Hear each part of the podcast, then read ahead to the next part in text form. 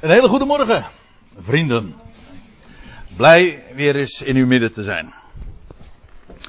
Dat was de laatste keer 1 maart, dus inmiddels alweer een paar maanden geleden. En het is altijd weer heel goed, en dat meen ik uit de grond van mijn hart, om hier weer eh, te toeven. En ik stel voor dat we vanmorgen eens gaan nadenken over dat onderwerp wat u hier ziet geprojecteerd op het scherm. En dat is eigenlijk naar aanleiding van hemelvaart. Ik had aanvankelijk een ander onderwerp in gedachten en iets over de hoge priester die in het heiligdom ging. Wat te vertellen. Maar ik dacht, wellicht is het verstandiger om het eens een keer te benaderen aan de hand van dit thema. En dat is ook een beetje omdat ik van mening ben dat er heel dikwijls voorbij gegaan wordt aan de aan de geweldige betekenis van dit attribuut in de tabernakel en later de tempel. En meestal ook omdat het zo beperkt wordt gezien. Laat ik u dan meteen maar dit zeggen. En dat is, als je nou alles vergeet wat ik vanmorgen ga vertellen, dan weet je in ieder geval bij deze de samenvatting in één zin. De heel, de, het brandofferaltaar, dat gaat inderdaad over hem die verhoogd is. De verhoogde Christus. Afgelopen donderdag is dat eh, wereldwijd in de kerkelijke wereld gevierd dat Jezus Christus niet alleen maar verrezen is, maar veertig dagen later ook ten hemel is gevaren. En terwijl ik het zo zeg, denk ik, uh, is, is, is het helemaal correct wat ik nu vertel? Want feitelijk gebeurde dat al op de dag dat hij opstond. Het is een beetje cryptisch wat ik nu zeg. Maar wellicht dat we daar nog eens een keertje op terugkomen. Hemelvaart, de verhoging van Christus. En wat ik u wil laten zien is dat het in het Oude Testament allemaal al uitgebeeld wordt. Niet alleen maar dat er voorzeggingen gedaan worden over wie de Christus zou zijn, wanneer hij zou komen, waar hij uh, zou verschijnen en wat er met hem zou gebeuren maar ook eh, in allerlei beelden, ook schaduwen. Dat wil zeggen, waarbij je slechts in de contouren ziet, misschien in zichzelf duister. Dat zie je vooral in de offerdienst, dat heel bloederig is, met dood alles te maken heeft. Maar in wezen zijn dat schaduwen, dat wil zeggen in de contouren zie je het licht. In zichzelf is het duister, maar wat er gezien wordt is licht, namelijk de Christus. En ik zoals gezegd, je kunt dat doen aan de hand van talloze beelden in het Oude Testament. Ik noemde net het voorbeeld van de hoge priester die inging eens per jaar de grote verzoendag in het heiligdom. Dat is een schitterend type. En er is een hele brief die daar feitelijk over gaat. De Hebreeënbrief. Waarin dat uitgelegd wordt dat dat inderdaad een uitbeelding is van hem. De verrezen hoge priester. De koning priester naar de ordening van Melchizedek. En die nu op het hoogste niveau, ontrokken aan het oog. Achter het, achter het voorhangsel. In het binnenst heiligdom gezeten is. Dat zijn hele plechtige woorden die ik nu uitspreek. Maar dat zijn zomaar uh, allemaal van. Uh, het is een samenraapsel van, van citaten feitelijk van wat je in met name dan de Hebreeënbrief ook vindt. Maar ook in allerlei andere geschiedenissen. Van Jozef die vernederd werd, in de gevangenis kwam, maar uiteindelijk verhoogd werd. In de geschiedenis van Mozes, van David. Noem maar op. Overal zie je niet alleen vernedering, maar ook de verhoging van Christus. Nou, nu wil ik dat aan de hand van het brandofferaltaar voor morgen eens duidelijk maken. Laten zien hoe inderdaad dat brandofferaltaar spreekt van Hem die verhoogd is. En ik zeg dat erbij omdat meestal gezegd wordt, en ik heb het juist de afgelopen dagen weer gemerkt, omdat ik daar wat mee bezig was en ik ging wat lectuur zo erop naslaan. Ik heb er met prachtige boeken van Johannes de Heer, die ooit een boek schreef over uh, de tabernakel. En die dan ook onder andere ingaat, uiteraard, hoe, daar kom, kom je niet aan, aan het brandofferaltaar. En dan, dan beschrijft hij dat dat spreekt van het kruis. En ik ben dat in talloze boekjes tegengekomen. En dat is eigenlijk heel eigenaardig, want het brandofferaltaar is een verhoging, maar het, is het kruis een verhoging? In de bijbelse zin van het woord is het niet zo dat hij zichzelf ontledigd heeft, lezen we in de, in de Filipijnse brief. Hij heeft zichzelf ontledigd. En dan staat hij heeft zich vernederd tot de dood. Ja, tot de dood van het kruis. Het kruis, in de bijbelse zin van het woord, is niet zijn verhoging. Fysiek zou je dat kunnen verdedigen, omdat, omdat hij gehangen werd aan een paal. Maar dat is niet het idee. Het kruis is zijn uiterste vernedering. Daarom staat er trouwens ook in datzelfde Filippenzen 2, waar ik uit zojuist uit citeer. Daarom heeft God hem ook uitermate verhoogd en de naam gegeven boven alle naam. Enzovoorts. Maar dat is de verhoging, niet het kruis. Brandofferaltaar, dat is wat ik vanmorgen wil laten zien, spreekt inderdaad van de verhoogde Christus. Een altaar sowieso is al niks anders dan een verhoging. Nou ja, niks anders dan. Een, een altaar is een verhoging. En wat gebeurde daar op dat altaar? Er vond geen sterven plaats. Een dier werd niet gedood op dat altaar. Dat vond er allemaal van tevoren plaats. Met recht ook voor het altaar plaats. Het doden, het slachten van het dier, van het offerdier, vond niet plaats op het altaar. Maar eerst werd het dier geslacht. En vervolgens werd dat geslachte dier, een lam of een bok of een stier, of welk dier dan ook, kwam op het altaar als geslacht dier dus, inmiddels dood. En daar werd het verhoogd en vervolgens steeg het op tot God. Als ik het zo zeg, dan begrijp je meteen ook de Bijbelse symboliek, namelijk dat het verwijst naar, naar het lam dat staat als geslacht. Dat is heel, heel eigenaardige formulering die je in het boek Openbaring treft. Maar eh, als je, ja, als je de, de essentie van de Bijbelse boodschap kent, dan, dan, dan komt dat meteen binnen. Wij kennen het lam dat geslacht is. Dat zou normaal gesproken liggen. Iets, een dier dat geslacht is, is dood en dat ligt. Maar wij kennen een lam dat geslacht is, dat staat. Namelijk opgestaan is uit de doden. Wel, daar heeft dat brandofferaltaar mee te maken. Even voor de goede orde trouwens, want voordat ik dat nou vergeet. In het, het was zo, voor degenen die dus helemaal uh, niets uh, of weinig weten van die offerdienst en die altaren en de tabernakel en de, of de tempel. Als je, je had daar dat terrein van de tabernakel, laat ik me daartoe even beperken, later dus de tempel, had je de voorhof en als je dan de, als je dan de omheining was binnengegaan door de grote ingang met allemaal kleuren, et cetera. Dus alles, alle details hebben geweldige betekenissen. Maar daar ga ik nu aan voorbij. Maar het eerste attribuut, het eerste onderdeel wat je dan tegenkwam, dat was het brandofferaltaar. Zo wordt dat in onze vertalingen genoemd. Daarna kreeg je het wasvat voor de priesters. En daarna kreeg je de eigenlijke tabernakel, het huis van God met het heilige. En daarachter weer het heilige der heiligen. Nou, daar gaan we allemaal aan voorbij. We houden ons vanmorgen dus puur bezig met dat wat je meteen bij de ingang al ziet. Namelijk het brandofferaltaar. En dat het altaar spreekt van Christus, dat is niet zo moeilijk. Dat is op, als je het, eh, ook dit weer gewoon uh, heel letterlijk de schrift leest, dan, dan stuit je daar als vanzelf op. Want dat altaar was, en dat geldt trouwens voor alle attributen van de tabernakel, het was gezalfd. En dat betekent, dat altaar was dus, als ik het in de Hebreeuwse begrippen benader, was dat dus een Messias. Het woord Messias, dat komt uit het Hebreeuws, Mashiach. Maar Mashiach betekent gezalfd. Laat ik u dat, laten, uh, laat ik u dat zien in Exodus 40, vers 10. Nou, lees je dit. Ook zult gij het brandofferaltaar, staat er dan, zalven. Dit is het laatste hoofdstuk van Exodus. Gij zult het brandofferaltaar zalven.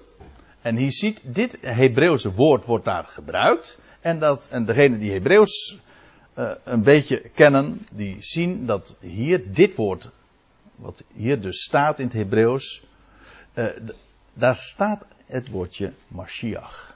Gewoon exact hetzelfde woord. Gezalfde.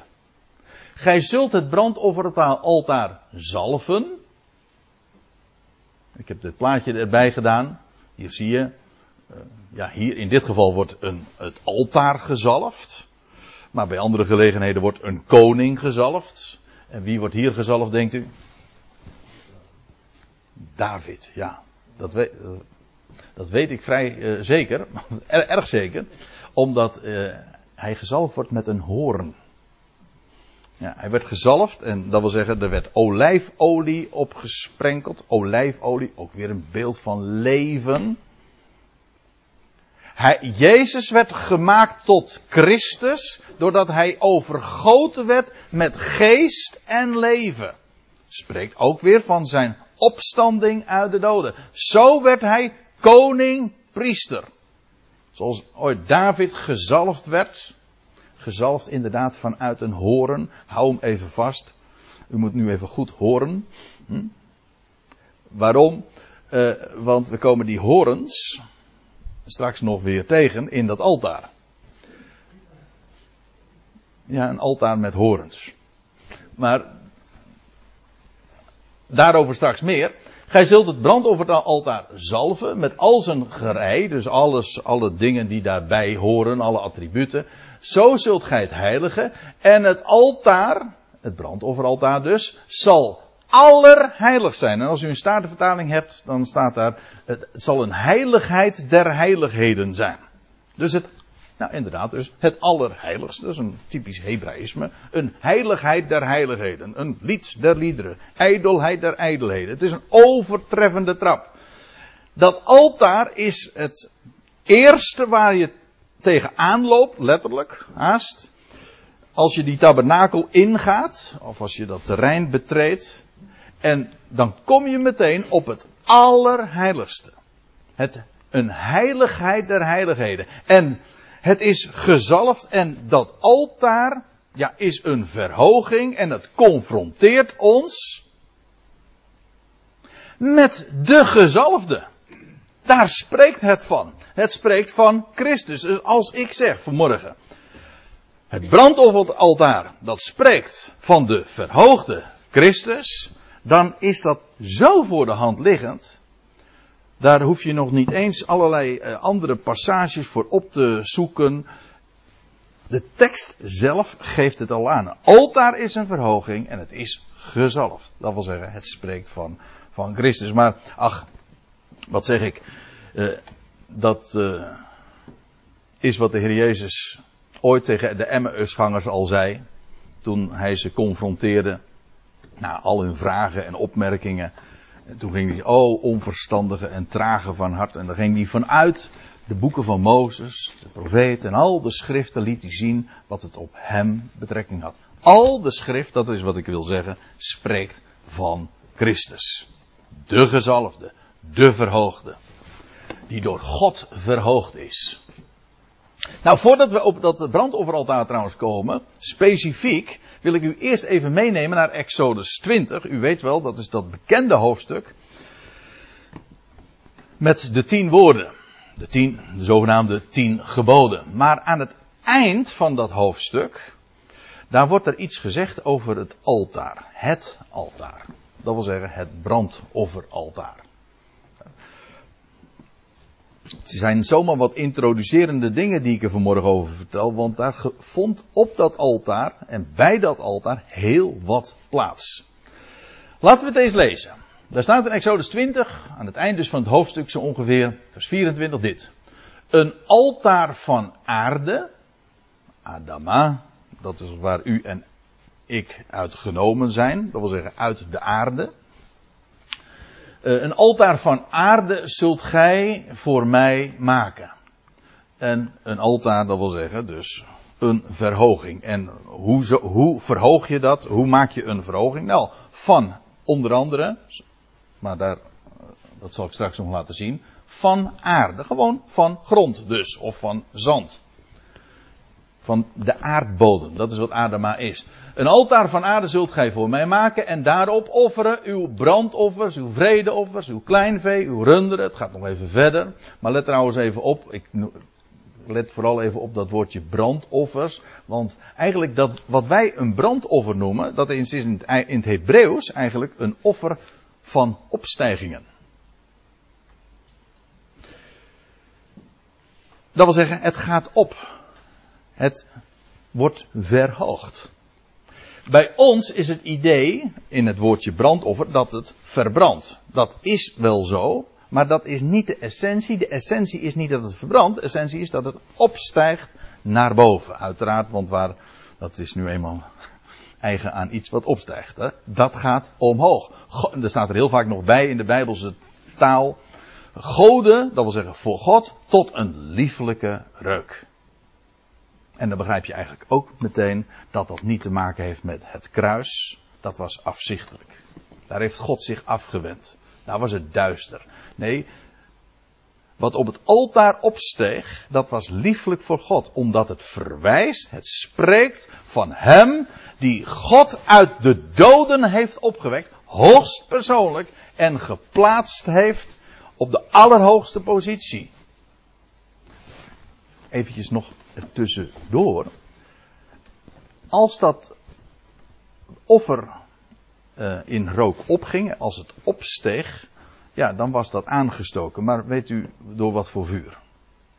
Niet door vuur dat de mens had gemaakt. Dat, als dat wel eens een keer gebeurde, we lezen in de Bijbel een keer dat dat gebeurde, en dan wordt het genoemd vreemd vuur. En dat nam God buitengewoon hoog op. geschiedenis van Datan en Abiram. Nou ja, uh, dat is vreemd vuur. Maar God antwoordde zelf op het offer door het zelf aan te steken. Er zijn diverse passages die, waar dat gewoon expliciet zo staat. God stak het offer zelf aan. Vuur kwam uit de hemel. Zo antwoordde God. God nam het offer tot zich door het zelf aan te steken. En dat vind ik ook zo prachtig. Als we het even in het licht van de Christus zien, de gezalfde, hoe is hij de Christus geworden? Doordat God hem heeft opgewekt uit de doden, geest en leven gaf. Vanuit de hoogte, inderdaad. Niet vuur van beneden, vuur van boven. Dat is wat hem deed oprijzen en opstijgen. Dus daar spreekt dat brandoffer van. Het was eerst geslacht, dat is waar. Maar het idee is, de geslachte is niet de geslachte gebleven, hij is verrezen en opgestegen. Er staat daar nog bij in vers 25 van dat Exodus 20. Indien gij echter een altaar van stenen voor mij maakt. Dus dat was een andere optie. Van aarde, van grond, van zand kon dat gemaakt worden. Maar het kon ook van stenen gemaakt worden. Gewoon van natuurstenen. Dat blijkt. Want er staat er. Indien gij echter een altaar van stenen voor mij maakt. Dan moogt gij het niet bouwen van gehouwen steen. Wel van steen, maar er mocht geen mensenhand aan te pas komen. Dus er mocht ook, geen, mocht ook niet van bakstenen zijn. Dat is er trouwens heel veel ervaring mee. Uh, recentelijk, want dat is wat ze uh, eeuwenlang daar hebben gedaan in Egypte. Tichelstenen, dat wil zeggen gewoon bakstenen. Tegels maken. Gewoon eigen, eigen werk. Dat was ook trouwens wat, daar is ooit Babel al mee begonnen. Met bakstenen. Eigen, eigen werk. Maar dat altaar mocht van steen uh, gemaakt worden, jazeker. Maar dan steen van God zelf. Steen uh, zo uit de schepping voorradig. Niet steen door de mens bewerkt. Die gij echter een altaar van stenen van mij maakt, dan moogt gij het niet bouwen van gehouwen steen. Wanneer gij dat met uw houweel bewijt, bewerkt, sorry, ontwijt gij het. Hoezo? Hoezo? Dan laten we verder lezen. Ook moogt gij niet langs een trap naar mijn altaar opklimmen. Opdat daar uw schaamte niet zichtbaar worden. Wat is dat zeg? Maar denk er even over na. Even in het licht van de hele Bijbelse boodschap is, is het idee zo eenvoudig. Dat wil zeggen, Jullie klimmen niet naar mij op. Kijk, dat altaar is in feite een, de plaats waar God de mens ontmoet. Het heet, het heet elders in de Bijbel ook de tafel des Heren. Dat wil zeggen de plaats waar hij gemeenschap heeft met zijn volk. Maar daar bij dat altaar mocht geen trap zijn. Men mocht, men mocht er niets met de handen maken. Het, alle mensenwerk, dat is het hele idee, was daar uitgesloten. Het was niet door werk van onze handen, dat wil zeggen gehouden stenen, maar ook niet door onze voeten. Een trap. Dat wij tot God naderen. Wij klimmen niet tot God op. Het hele evangelie is de boodschap dat God afdaalt naar de mens. God is degene die het werk doet. Hij steekt het vuur aan. Oh, pardon, hij, ja, het vuur aan en het offer aan. Hij is degene die alles voor zijn rekening neemt. En weet u, het hele idee van religie is, van welke snit ook, of je nou islamitisch of boeddhistisch hebt, of christelijk, dat kan ook, dan is het helemaal ernstig. Want dan zou, heeft het nog de schijn van dat het iets te maken heeft met Christus, maar het is, dat is, dat is zo'n subtiele leugen.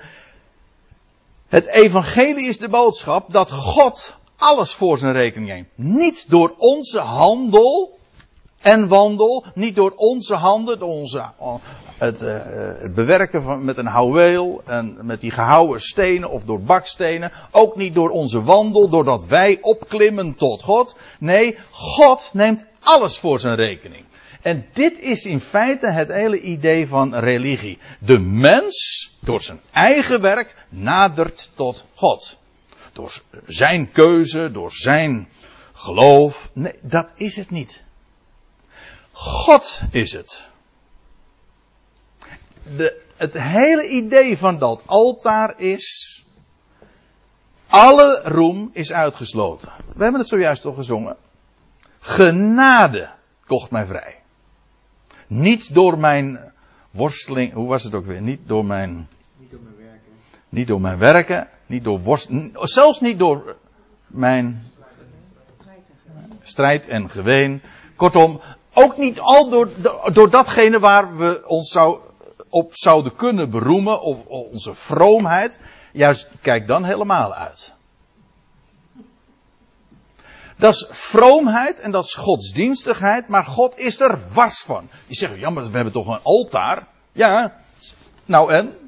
De altaren zat. Maar weet u wat Israël moest doen toen ze in het land kwamen? Allemaal afhouden. Allemaal die, al die altaren met de grond gelijk maken. Waarom?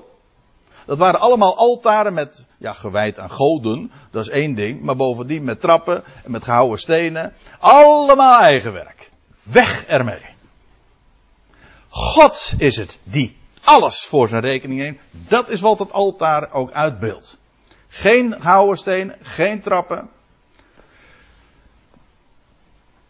Weg met het eigen werk. Toen Mozes de Heer ontmoette, weet u nog wat er toen gebeurde? Ooit bij de brandende braamstruik. Toen moest hij de schoenen van zijn voeten doen. Dat vind ik een prachtige uitbeelding. Dat wil zeggen, niet door jouw wandel. Alles van jouw eigen wandel, jouw schoenen, mag je uitdoen. Jouw wandel mag je afleggen. En zo kun je tot mij naderen. Niet door jouw werk en niet door jouw wandel of handel of wat dan ook. Dat is de les van Exodus 20 over het altaar. Dan gaan we naar Exodus 27.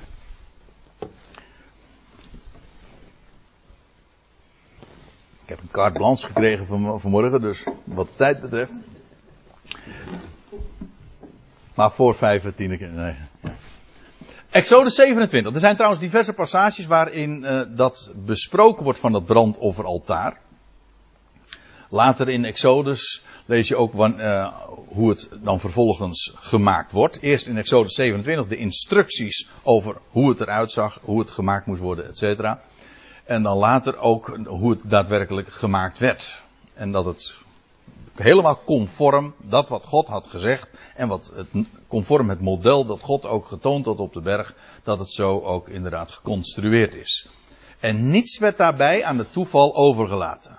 Kijk, je zou kunnen zeggen van, ja, wat, wat heeft dat toch allemaal voor zin? En er is, uh, er is weinig saaier om te lezen dan al die instructies over de attributen van de tabernakel en over de offers. Heb u het wel eens gelezen zo? Heb je wel eens voorgelezen met uw kinderen? Nou, dat is niet spannend hoor. Maar dat, is ook, dat zijn ook geen passages om te lezen. De schrift is er niet om te lezen, de schrift, tenminste het meeste van de schrift niet. Maar om te onderzoeken.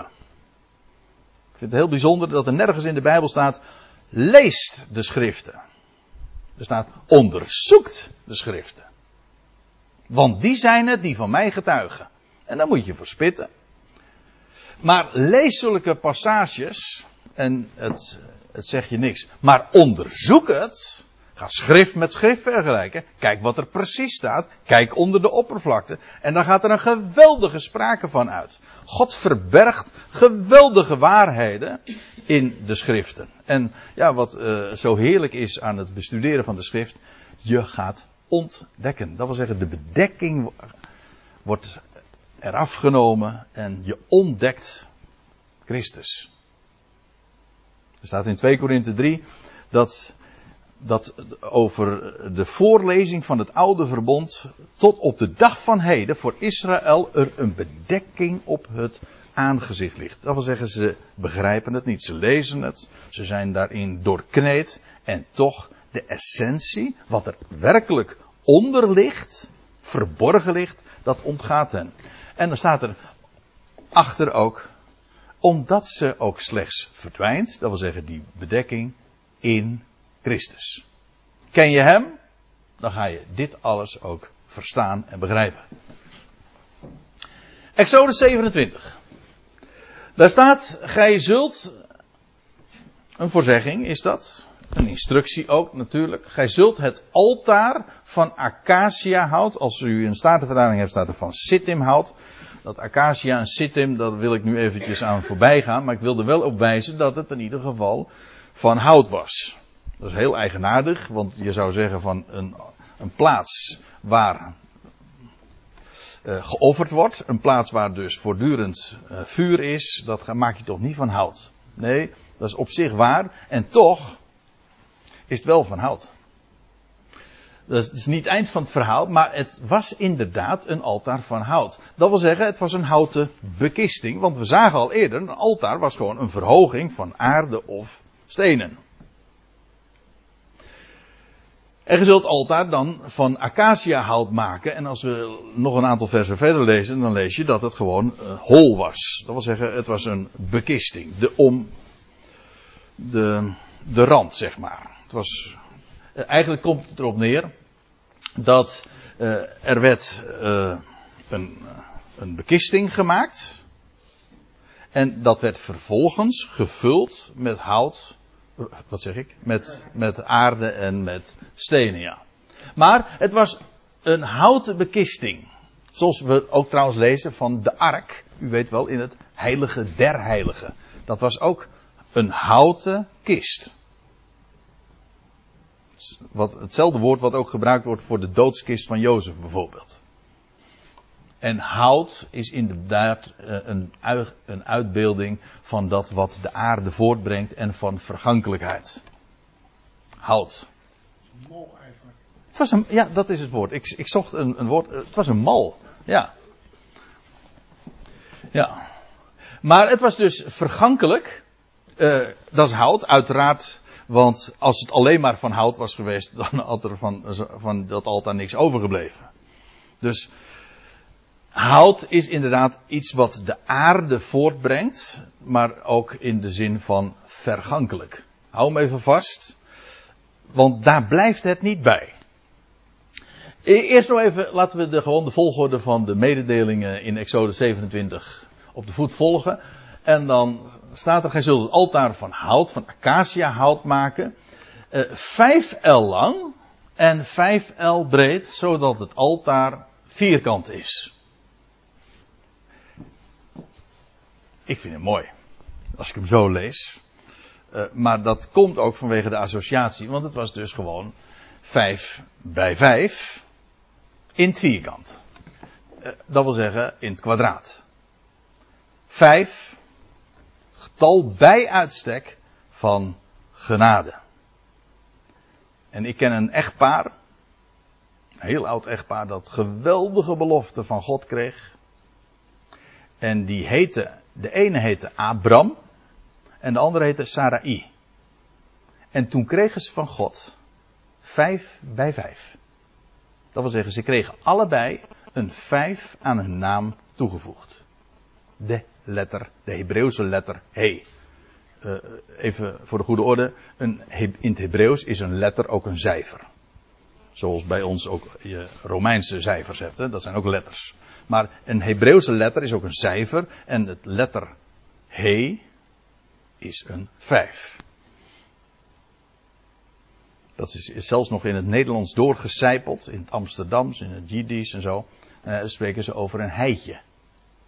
Een heitje voor een karweitje, weet het. En, maar een heitje, dat is eigenlijk gewoon een he, dat is, dat is een stuiver, hè. Of dat waren vijf stuivers. Ja, dus ook weer vijf bij vijf, hè. Vijf maal vijf. Een kwartje. Een heitje. Maar dat is dus eigenlijk gewoon die letter he. Alleen, niet voor een karweitje. Je hoeft er niks voor te doen. Het is juist genade. Genade in het kwadraat. En dat dan nog wel in het vierkant. Dat was, die vierkant, dat was echt, heeft vier hoeken.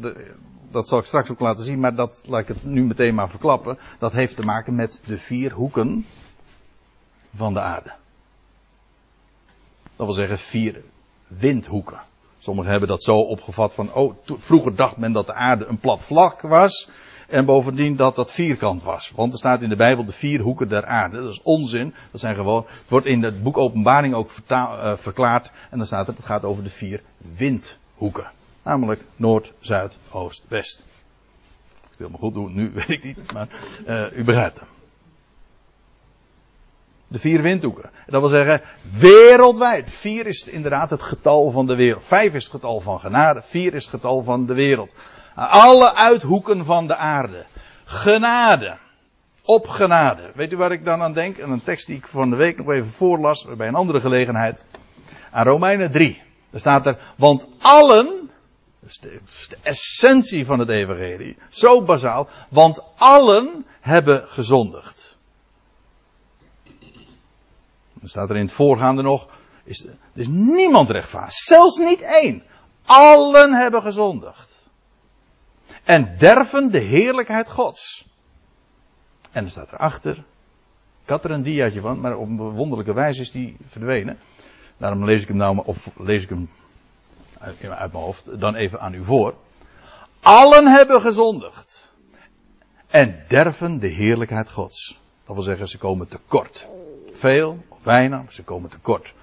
Alle hebben gezondigd, ik herhaal. En derven de heerlijkheid Gods. En worden om niet gerechtvaardigd door zijn genade. Door de verlossing in Christus Jezus. Romeinen 3, vers 23 en 24.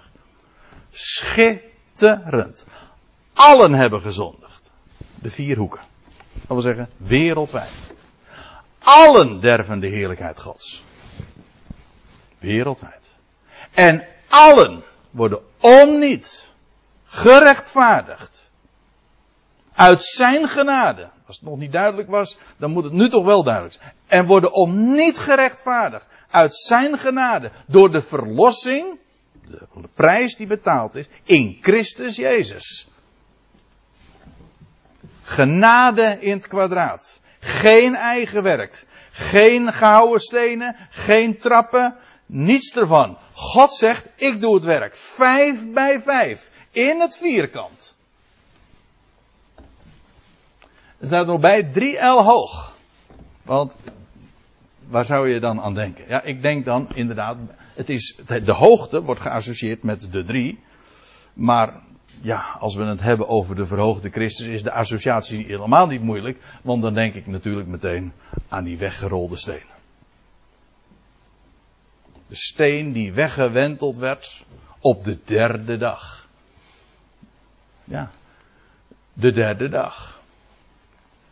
Ja, ik kon niet nalaten om als een volstrekt amuzikaal type uh, toch eventjes deze link te leggen.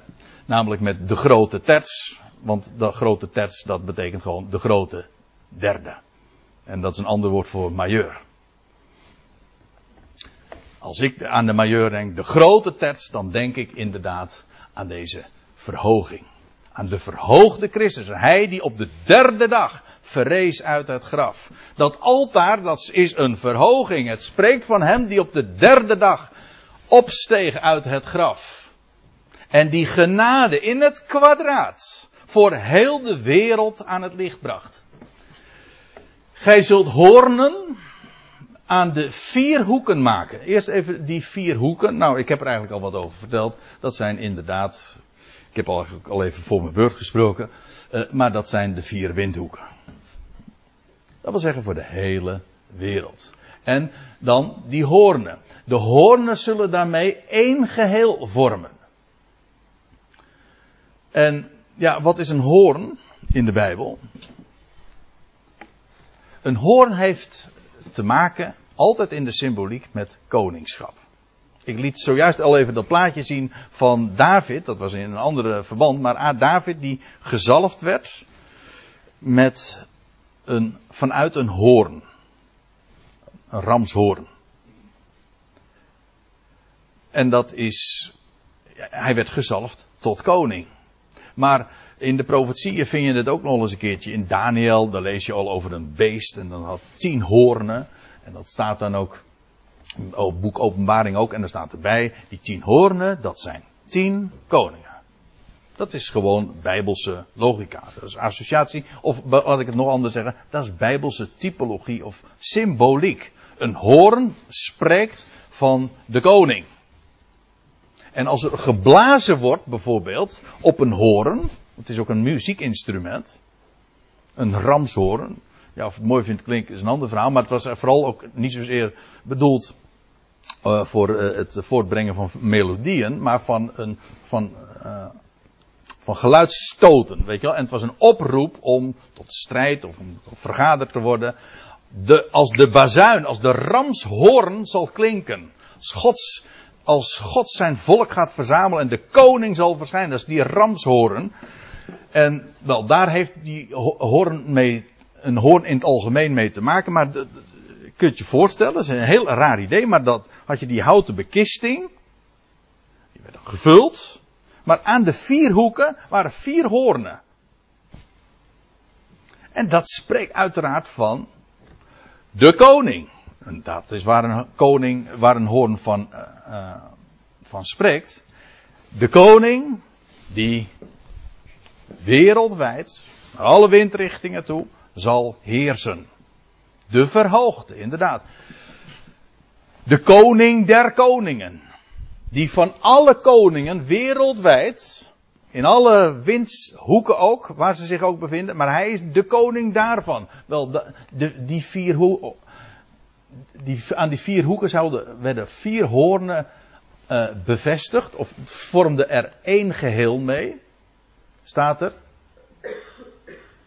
En er zijn nogal wat geschiedenissen in de Bijbel die ook uh, daarnaar, nou uh, nogal wat, diverse in ieder geval toch wel, geschiedenissen die te maken hebben met die hoornen van het altaar. Als iemand, als iemand iets, ge, iemand had gedood, nou, dan kon hij naar een vrijstad vluchten. De zes vrijsteden. Maar er was nog een plaats waar die veilig was. Dat is de hoornen van het altaar. De geschiedenis van David lees je daarover en Salomo.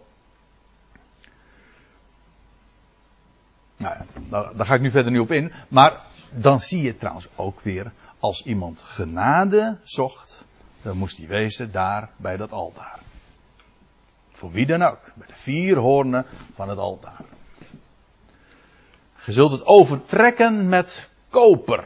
Vandaar ook dat dit brandofferaltaar trouwens, het wordt ook het koperen altaar genoemd bij heel wat uh, gelegenheden. Nou, zoals hout een uitbeelding is van vergankelijkheid en uiteraard niet vuurbestendig is, integendeel het is juist voeding voor, een, voor het vuur, zo is koper juist wel een uitbeelding van dat wat het vuur kan doorstaan en daarmee dus van onvergankelijkheid. En dat is precies wat onze Heer is. Hij kwam uit de aarde voort. Hij was een mens. Hij leed en hij stierf. Dat is hout. Maar vervolgens was hij overtrokken met goud. Uh, ja, ja ik, ik, verspreek me nu, en terwijl ik het me verspreek, uh, zeg ik het ook wel weer goed. Want aan de ene kant waren er attributen, bijvoorbeeld de ark van het verbond, dat was van hout en overtrokken met goud. En je had, zoals in dit geval, was de, het brandofferaltaar was overtrokken met koper. Maar allebei beelden ze op een verschillende wijze onvergankelijkheid uit. Goud is een edelmetaal, u weet het, het, verbindt zich niet met zuurstof, het kan niet roesten. Koper is eveneens, het is vuurbestendig, dat is het idee. Het lijkt trouwens op goud. Ook op goud, ja. En dan heb ik nog iets over dat koper, voor de fijnproevers onder u. Maar het Hebreeuwse woord voor koper, dat is nagash. Het, het, hetzelfde woord is het zelfs. En je hebt zelfs een geschiedenis. Ja, en een nagash, dat moet ik er dan bij zeggen, dat is het Hebreeuwse woord voor slang. En er is een geschiedenis waarin die twee woorden, de koperen slang, ook gebruikt worden. Dat is, ik geloof, nummer 17 of 21, dat weet ik even niet uit mijn hoofd. Uh, daar wordt gesproken dus over de koperen slang. En dan staat er twee, dat is eigenlijk dubbel op. In het Hebreeuws is, is, lees je twee keer hetzelfde woord.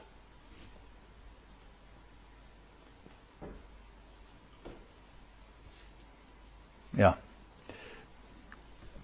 Dan nog even iets, dat heeft een getalswaarde. Ik zei zojuist al iets over de he, dat is 5. Maar het Hebreeuwse woord nagash, dat is 358. Dus hetzelfde woord, dezelfde getalswaarde als Mashiach. Exact dezelfde. Het spreekt dus van inderdaad de Messias. Maar als u dat een beetje te ingewikkeld vindt, dan zeg ik van nou, kijk dan gewoon op, omhoog, naar de verhoogde slang. De koperen slang, weet u wel? Ja, ik ga er nu maar even vanuit dat u die geschiedenis kent. Dat Israël gebeten werd, dodelijk. En wat, het enige wat ze zouden doen is omhoog te zien. Dat is, de geweldige Bijbelse boodschap.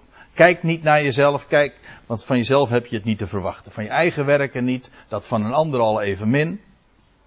Kijk omhoog. Daar is een helper. Hè? Zegt het uh, Johan de Heer uh, Bundel. Maar het is zo. Daar is er een. Die kan helpen. Ik hef mijn ogen op naar de hemel. Van wie, naar wie anders. Maar daar is hij ook. De verhoogde slang. En zoals Mozes de slang in de woestijn verhoogde. Zo zal ook de zoon des mensen verhoogd worden. Johannes 3, dat werd tegen Nicodemus gezegd. Dat is niet het kruis. Dat was zijn vernedering. Dit is zijn verhoging. Daarom heeft God hem ook uitermate verhoogd en de naam gegeven boven alle naam. Wel, daar heeft het, dat koper met, mee te maken met die onvergankelijkheid, met zijn verhoging, met het feit dat hij de Messias is. En linksom of rechtsom, eh, je komt toch uiteindelijk altijd, dat kan niet missen, bij hetzelfde adres uit. Namelijk de Messias. De Messias of de Messias, de Christus. Ook zult gij er potten voor maken. Ik lees even verder in Exodus 27. En, en om het van as te reinigen en scheppen, sprengbekkens, vorken en vuurpannen. Er kwam bij al die rituelen kwam er heel wat bij kijken en heel wat attributen enzovoorts. Maar al zijn gereis zult gij van koper maken. Vandaar dus inderdaad dat koperen altaar. Koper speelt een hele grote rol, ook in allerlei andere gelegenheden, bij andere gelegenheden. Koper was ook trouwens nog een, een muntstuk. Dat is trouwens ook een makkelijke associatie. Ik hou wat van eenvoud, toch wel. Maar uh, koper heeft inderdaad ook te maken met, met geld. Het koperen muntstukje, weet je nog? Het heeft te maken met een prijs die je betaalt. In het Nederlands helemaal makkelijk te onthouden, want dan ben je een koper dus. Hè? Ja. De prijs die betaald is. De losprijs vooral. Alles had te maken met koper. En dan staat er nog bij, je zult een traliewerk ervoor maken, een, een koperen netwerk. En op het net vier koperen ringen maken aan de vier einden. Nou, eerst die ringen. Ja, het was om te dragen, ja. Maar een ring, dat is gewoon een lijn zonder een einde. Dus een cirkel dus. En ook daar kom je weer bij dezelfde gedachte uit van onvergankelijkheid. Die kennen we allemaal, die symboliek. Is ook een ring. Een trouwring. En wat beeldt het uit? Het is, het is een cirkel zonder einde. Gods trouw kent geen einde. En dat is die ring. Het spreekt van dat wat blijft. Wat onvergankelijk is. Wat niet voorbij gaat. Aan die vier, aan die vier einden waren vier uh, ringen bevestigd.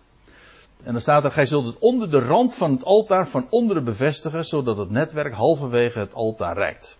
Nou kom ik echt een beetje op een wat moeilijk punt, maar we, ik geef hem alleen even als vraag mee. Want je, als je nou gaat uh, googlen en uh, op het brandofferaltaar, dan kom je verschillende plaatjes tegen. Meestal kom je dit plaatje tegen, u, u hebt hem al eerder gezien.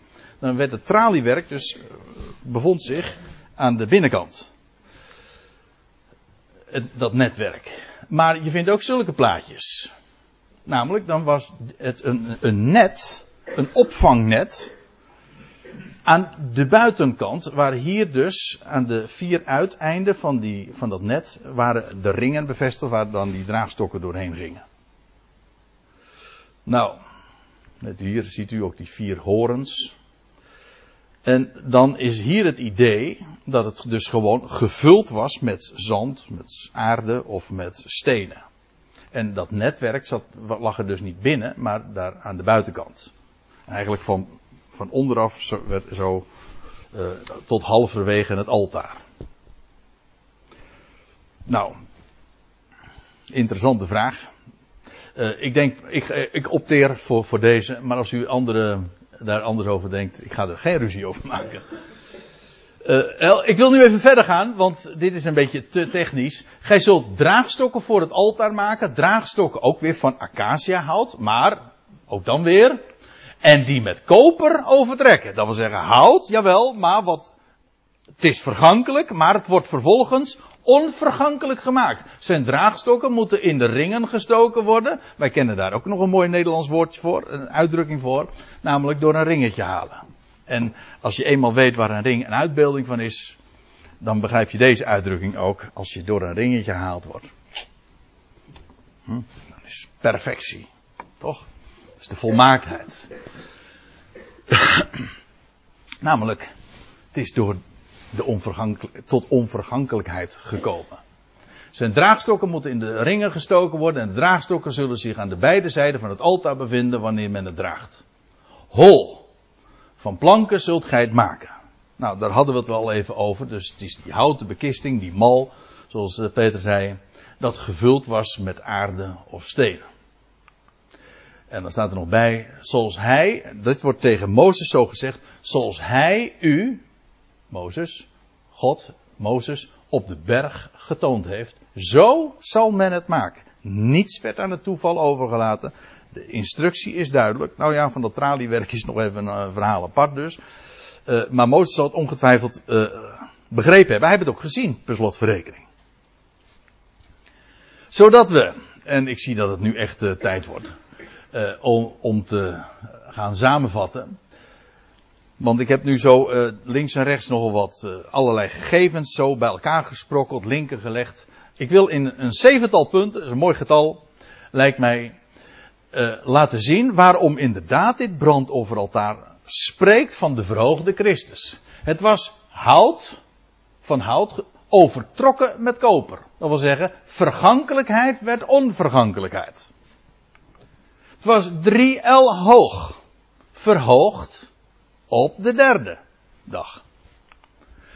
Het was vijf bij vijf. Genade in het kwadraat. Bovendien met vier hoeken. Voor heel de wereld. In het vierkant dus. Het was gehorend.